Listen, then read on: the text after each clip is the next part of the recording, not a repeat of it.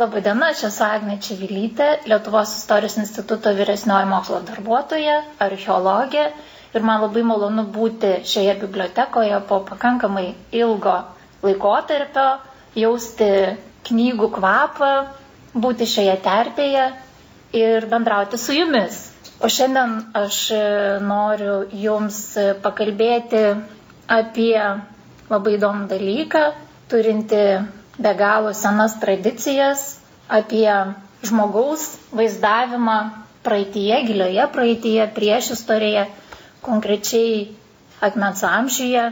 Ir noriu pakalbėti apie tai, kaip tas žmogus buvo vaizduojamas ir kodėl jis buvo vaizduojamas, o taip pat į, galbūt paklausti, kodėl mūsų kraštuose, Lietuvoje, Latvijoje, Estijoje, rytinėje Baltijos jūros pakrantėje mes Tiek nedaug te turime žmogaus atvaizdų. Kokia gali būti priežastis nebuvimo žmogaus vaizdavimo? Tai e, savo paskaitą pavadinau tokiu pavadinimu, o kas tos figūrėlės žmogaus vaizdavimas atmens amžyje. Ir e, visų pirma, noriu pasakyti, kad e, šią paskaitą skiriu jums, bet kartu galvodama apie iškilę asmenybę, archeologę Rimutė Rimantenė, kuri šių metų e, rugsėjo 20, spalio 25 dieną šves savo šimtasis gimimo metinės, šimtai gimtadienį. Taip pat e, kviečiu Jūs paklausyti apie žmogaus vaizdavimą akmens amžiuje, temą, kuri jau seniai domina daugelį mokslininkų. Spalvotoje tyrimų puokštėje išsiskiria kitos garsios lietuvių moters e, Marijos Alsaikaitės gimbutėnės figūra, kurios dėka atsirado senosios Europos ir didžiosios deivės savokos, o štai prancūzų archeologas Jacques Cuvem neolito antropomorfinės plastikos suklestėjimą vadina net Revolution de Symbolsių neolitik, e, neolito simbolių revoliucija. Argi galėjo nenustepti Rimutė Rimantinė rankose laikydama kadaise senojoje Nidoje gyvenusių puodžių pagamintų indų šukės su itin retais mūsų kraštuose žmonių atvaizdais. E, štai ką jie apie tai rašo. Be abejo, tai apieiginis puodas, dėja išlikusi tik jo pusė. Aplink breuną įspaustos keturios virvučių eilutės, nuo jų nukarusios šešios statmenos juostelės. Šalimai stovi žmogaus figūrėlė išskestomis rankomis. Antroje puodo pusėje po virvelio eilutėmis matyti eilė užbrukšniuotų trikampių. Tiesa, labai negrabiai atliktų. Yra rasta ir antra mažytė šukelė taip pat su žmogeliu iškeltomis rankomis, šalia užbrukšniuotų trikampių liekanų. Šios piešinius galima iššifruoti iš viso konteksto. Greičiausiai horizontalios eilutės po breuna turėjo reikšti dangų, iš jos statmenai krenta lietus. Antras pošybos motyvas - tai užbrukšniuoti trikampiai. Žinoma, kad trikampis maigalių žemyn nuo labai senų laikų buvo laikomas moter ženklu, o skritulys vyro. Užbrukšniuotas trikampis - tai jau apdirbtų laukų ženklas. O kas tos figūrėlės? Klausė Rimutė Rimantinė. Jų iškeltos rankos galėtų reikšti dėkingumą bei garbinimą, jei tai būtų pavaizduoti žmonės. Bet Tai taip pat ir laiminimo poza, jei tai dvasios ar dievai. Pačios figūrėlės, galima sakyti, plikos ir nieko nesakančios. Tačiau svarbus požymis, kad viena jų su dviem, o antroji su keturiais pirštais. Akmens amžiaus žmogus tuo norėjo pabrėžti, kad tai ne žmonės, nes tas pirštų skaičius ne tas. Be abejo, čia vaizduojamos dvasios, tarpininkės tarp dangaus ir žemės, žemdirbio talkininkės, rankas laiminimui pakėlusios tarp dirbamų laukų. Štai tokia rimutės rimantinės vaizduotės vizija - žmogaus ant puodų interpretacija. Taigi matome, kiek įvairovės vaizduotoje žmogaus šiandien žiūrinčio į senąjį puodą - žemė, lietus, žmogus, dvasia. Ar galima apibriežti ribas, kodėl būtent taip, o ne kitaip atrodo tos figūrėlės? Pažiūrėjus įdėmiau į nido žmogeliuką, pamatysime, jog joje vaizduojama figūra yra vyras, dvipirštis vyras, stilizuotas to meto žmogaus atvaizdas.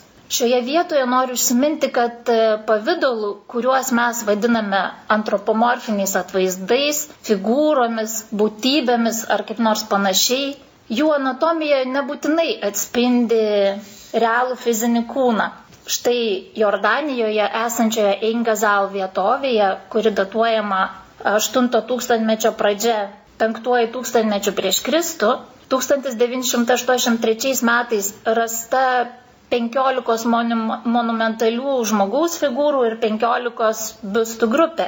Iš visų iki šiol žinomų neolito laikotarpio plastinių žmogaus atvaizdų, jos yra pačios didžiausios iki metro aukščio.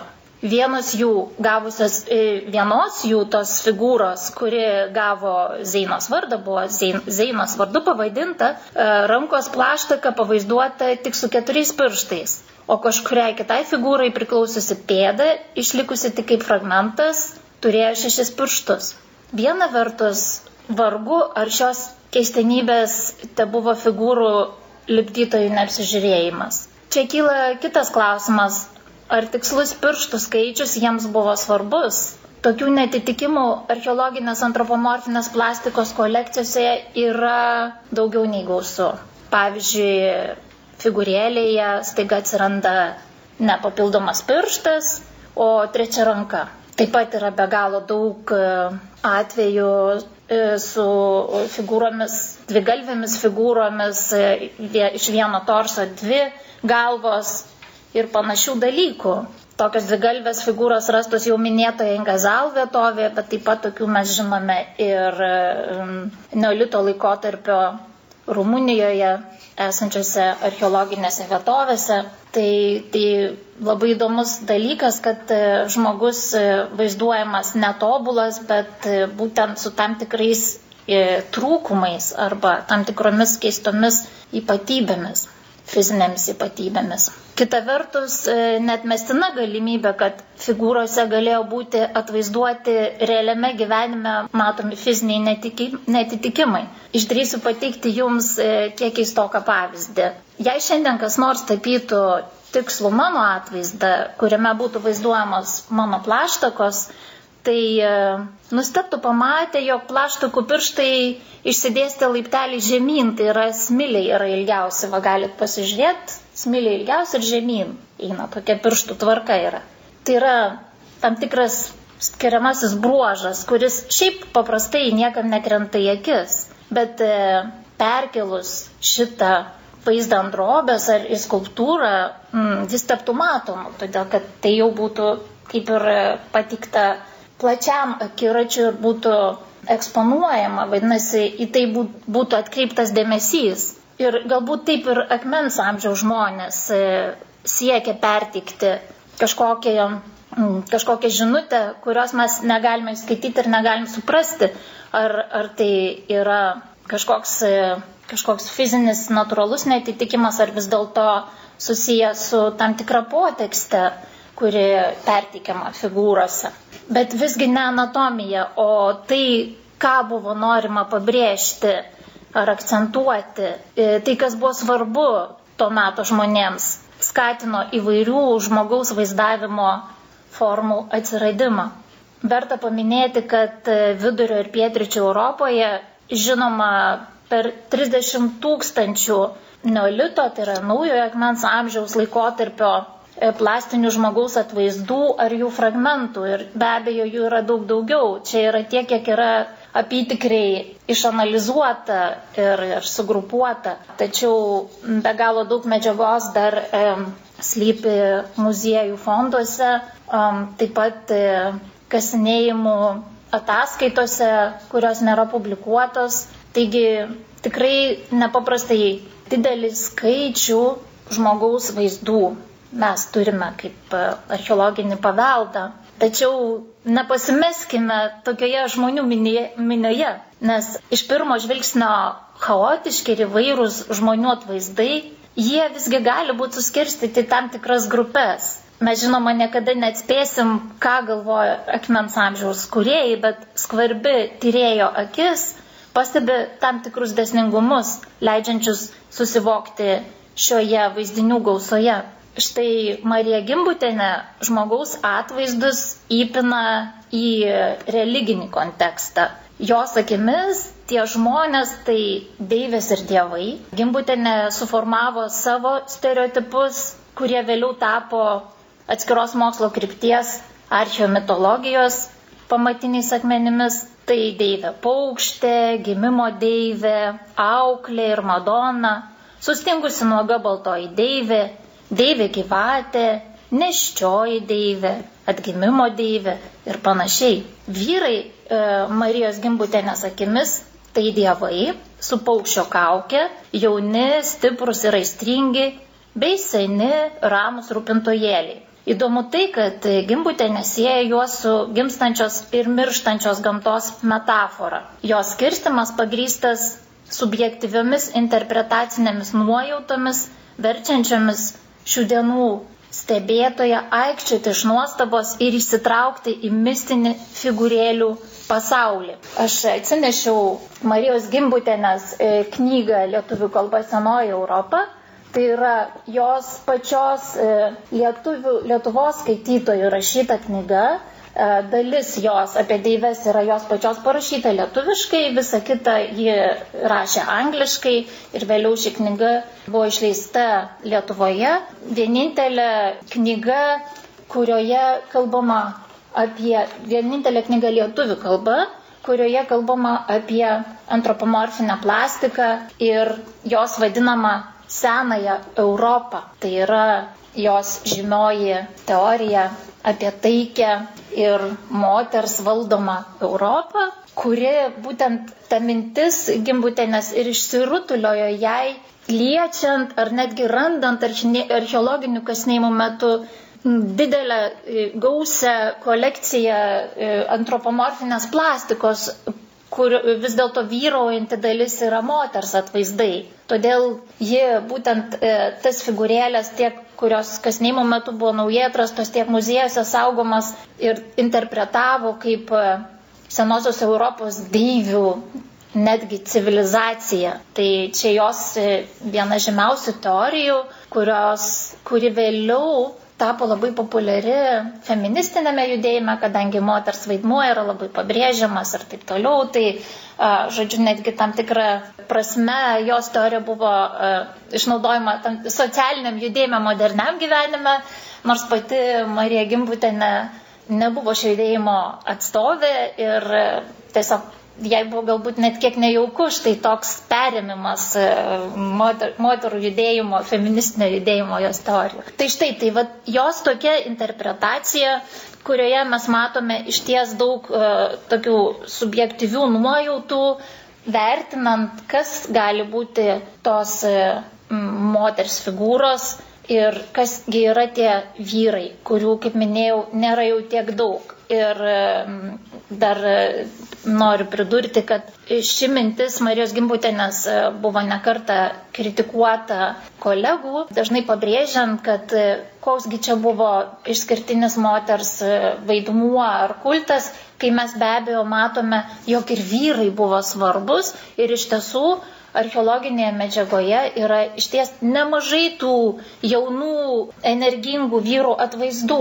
Tai mes tikrai negalime visiškai taip teikti, kad tik moteris buvo svarbi, bet iš tiesų tai moters kūnas vis dėlto dominavo tame laikotarpyje, plastikoje ir vizualinėje erdvėje. Kitaip nei Marija Gimbutenė, antropomorfinę plastiką analizuoja vokiečių archeologas Svent Hansen, atsiribojęs nuo iš ankstinių interpretacijų kaip deivės ar motinos, jis e, tiesiog vadovaujasi archeologiniais kriterijais, tai yra skirsto plastiką pagal stilių, tipologiją, taip pat e, fiksuoja radimo aplinkybės ir kreipia didelį dėmesį kontekstą e, bei figūrų pasiskirstimą erdvėje ir laike. Ir jis pabrėžia, kad būtent kultinė ritualinė antropomorfinių figūrėlių interpretacija iki šiol yra vyraujanti Tuo tarpu į kitas galimas jų panaudojimo galimybės, e, kaip pavyzdžiui, žaislai, kreipiama daug mažiau dėmesio.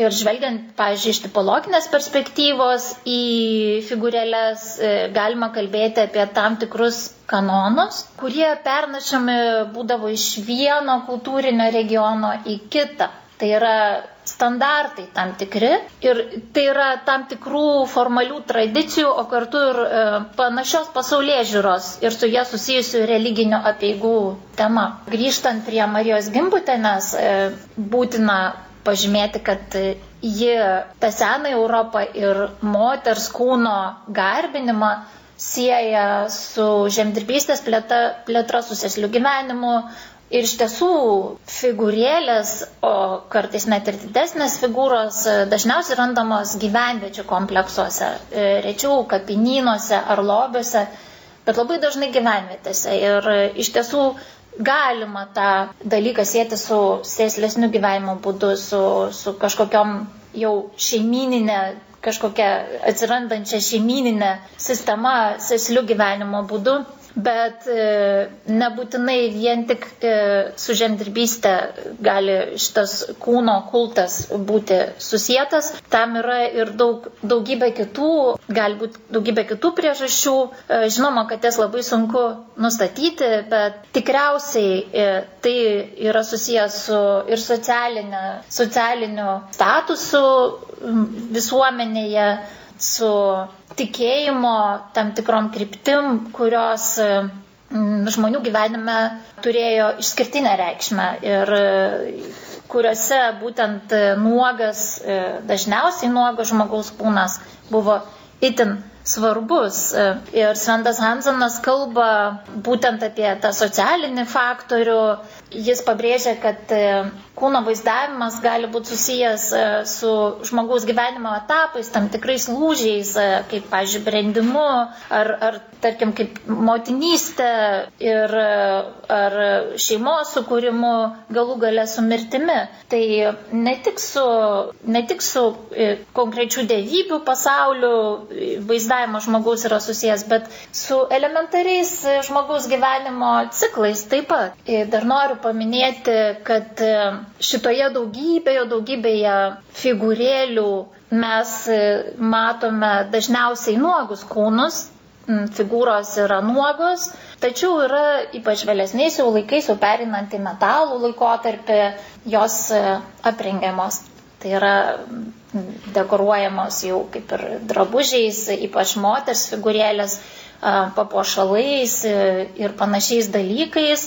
Tačiau net ir nuogos figūrėlės akmens amžiaus laikotarpyje būdavo dažnai gausiai dekoruojamos. Tai yra tarsi jų drabužės įvairiais raštais, jos ir spalvinamos buvo, apie tai dar užsiminsiu. O dabar atėjo laikas pakalbėti apie tai, iš ko buvo daromi tie figūriniai žmonių atvaizdai. Tai tam buvo pasirinkamos pačios įvairiausios medžiagos. Pirmiausia, akmuo, kaulas, molis, tešla, vaškas, šiaudai, gintaras, tekstilė, o gal dar ir kas nors kita, kas išnyko ir, ir ne, mes nebe, nebegalime atsekti.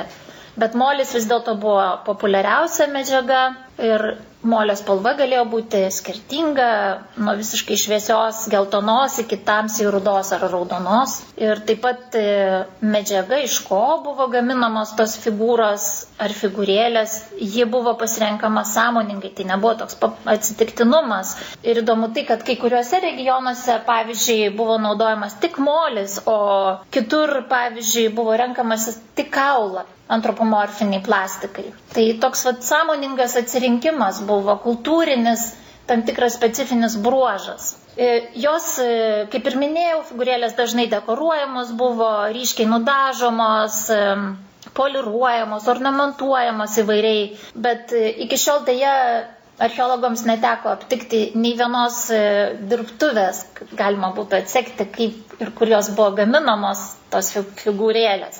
Įdomu, aišku, kiek galėjo užtrukti vienos figūrėlės meistravimas. Tai eksperimentiniai tyrimai rodo, kad, e, pavyzdžiui, marmurinės kikladų figūrėlės gaminimas e, galėjo užtrukti nuo 5 iki 60 valandų. Čia priklausė nuo situacijos, nuo paties meistro, nuo paties gamintojo patirties ir, ir jo paties e, norų ir pageidavimų ir taip toliau. Žodžiu, labai platus e, laiko tarpas gamybai. Molinas be abejo ir mes matome, tai e, taip pat pačio archeologiniai medžiagoje galėjo būti pagamintas daug greičiau, joms nereikėjo tiek laiko ir taip toliau. Tai čia nuo skirtingų faktorių priklauso. Ankstyviausias buvo gaminamas iš vientiso molio gabalo, o vėliau iš atskirų dalių. Buvo lipdomas kojos, sėmenis, pilvas, viršutinė kūno dalis ir galva o sutvirtinimui buvo naudojamas kaištis arba pagaliukas. Ir vienos gamtos istorijos muziejuje saugoma Bulgarijoje rasta Pazarčik figūra, žymi moters figūra, buvo peršviesta rengeno aparatu ir pasirodė, aiškiai matėsi, kaip ji buvo pagaminta, tai e, tiesiog jį kaip puodo principu buvo uždėta ant tokio maketo tas ir molis ant viršaus užlipdytas ir tas viskas labai aiškiai atsispindi rengeno nuotraukoje. Ir e, Lenkijoje, pavyzdžiui, Krakov Novahuta Plešiuv vietovėje rastos galvytės rengenas parodė, kad e, jos gamybai buvo naudojami ir keli mediniai pagaliukai, e, kad išlaikyti tą pusiausvyrą ir kad gamybos procesu tas kūrinėlis nes, nesubirėtų. Tai, žodžiu, tokie technologiniai tyrimai leidžia mums suvokti net ir patį tą gimimą tų vis, figūrų, kas nebuvo labai paprastas dalykas, šiaip, kaip gali pasirodyti iš tiesų. O, o dabar e, noriu Jums, e, mėly klausytojai, pranešti gerą žinę. 21 metų rudenį Lietuvos nacionalinėme muziejuje ketinama atverti duris į parodą Deivės ir kariai Marijai Gimbutėnė šimtas. Ir kadangi Marija Gimbutėnė 21 bus minimos jos Marijos Gimbutėnės šimtosios gimimo metinės ir UNESCO paskelbė Gimbutėnės metais būtent tuos metus, kilo sumanimas tokią parodą atverti Lietuvos žiūrovams ir šią parodą turėtų atvykti eksponatai iš aštuonių Europos muziejų. Tikslingai siekiama parodyti žiūrovams, kokia įvairialypė buvo to meto žmogaus vaizduotė. Ketinama atvežti ryškiausius antropomorfinės plastikos eksponatus iš įvairių, kaip minėjau, Europos muziejų. Siekiama atskleisti kuo įvairesnį moters vaizdavimo spektrą, nuogos antropomorfinės figūrėlės su ypač ryškiais moteriškumo bruožais, laikančios rankas ant krūtų ar net gimdančios figūrėlės. Ši parodos dalis yra kiek provokuojanti, nes juk visgi nuogos moteris buvo vaizduojamos itin erotiškai.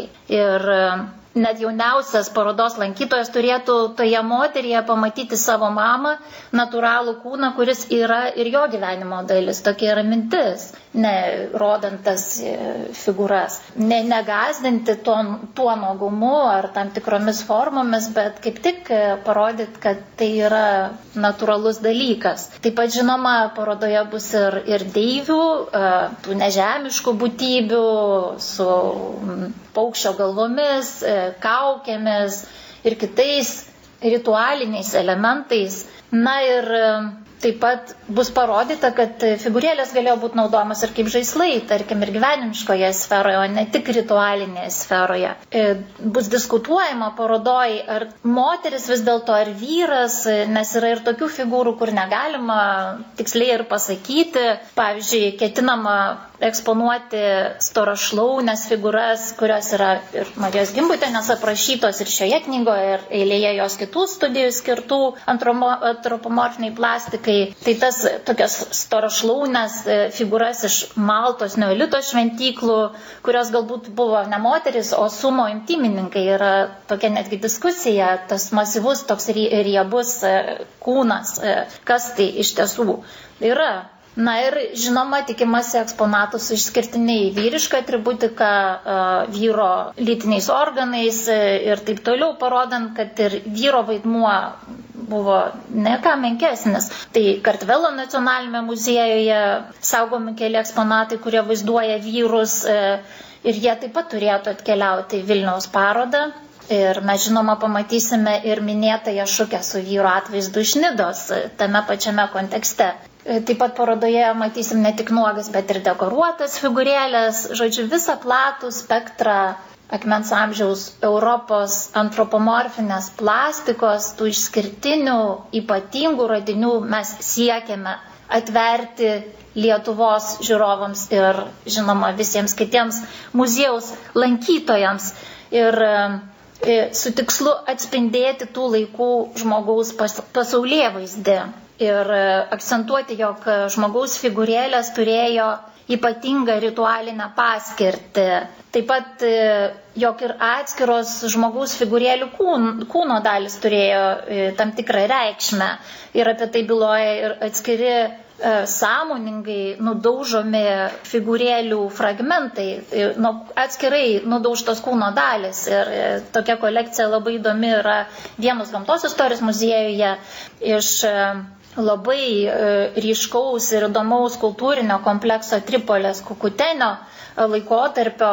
E, tai štai tuos fragmentus mes taip pat parodysim su tą mintim, jog koja ar ranka tai nėra atsitiktinumas. Nors žinoma, galėjo būti ir natūraliai nudaužta, bet tyrimai rodo, kad daužimas, laužimas kaip ir vėlesniais laikais, taip ir molį, ar kito, ir taip ir antropomorfiniai plastiko, moliniai ar iš kitų medžiagų pagaminta, buvo susijęs su tam tikra potekste ir tai nebuvo atsitiktinumas siekiame akcentuoti, jog žmogaus ar moters atvaizdas, žinoma, atsirado jau labai seniai 9 tūkstantį prieš Kristų artimuose rytuose ir iš ten plito link Europos ir, ir iki 5 tūkstantmečio prieš Kristų. Tas e, žmogaus vaizdavimas buvo nepaprastai mm, svarbus ir užėmė tikrai neįlinę vietą akmens amžiaus žmogaus pasaulyje žiūroje. Ir to laikotarpio figūros tai tarsi tarpusavio bendravimo priemonė, kaip kodai tam tikri, ar ne? Žmonės suprasdavo, ką reiškia būtent toks kūnas, o ne kitoks kūnas. Tai būtent ir, ir yra ta žinia pasaulio apie galimą tarpusavio susišnekėjimą, tas vaizdavimas žmogaus kūno. Šis reiškinys pasiekė ir mūsų, mūsų kraštus, e, nors kaip ir minėjau pradžiai, e, žmogaus vaizdavimas e, čia buvo itin retas, tačiau jis atspindėjo esminės vertybės. Ir grįžtant prie pradžioj užsimintų vaizdinių vyro atvaizdo Nidos gyvenvietės šukėje ar kitų Lietuvoje rastų antropomorfinių figūrų. Beje, mes galime didžiuotis turėdami švento e, e, juokrantės lobį, kuriame yra figūrėlės iš gintaro.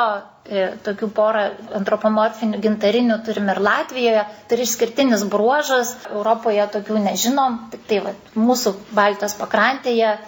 Tai grįžtant prie to ir vėlgi prisimenant Rimutę Rimantinę, švenčiančią šimtąjį gimtadienį, visą tą žmogaus esminės vertybės jas vainikuoja vis dėlto viešpatė žmogaus atvaizdas, medinis viešpatė žmogaus atvaizdas, kaip jį vadina Rimutė Rimantinė, stulpinė skulptūra rasta šventosios antrojoje gyvenvietėje. Tai dviejų metrų ilgio juodalksnio rastelis nusmailinta apačia, o viršūnėje išskaptuotų žmogaus veidų.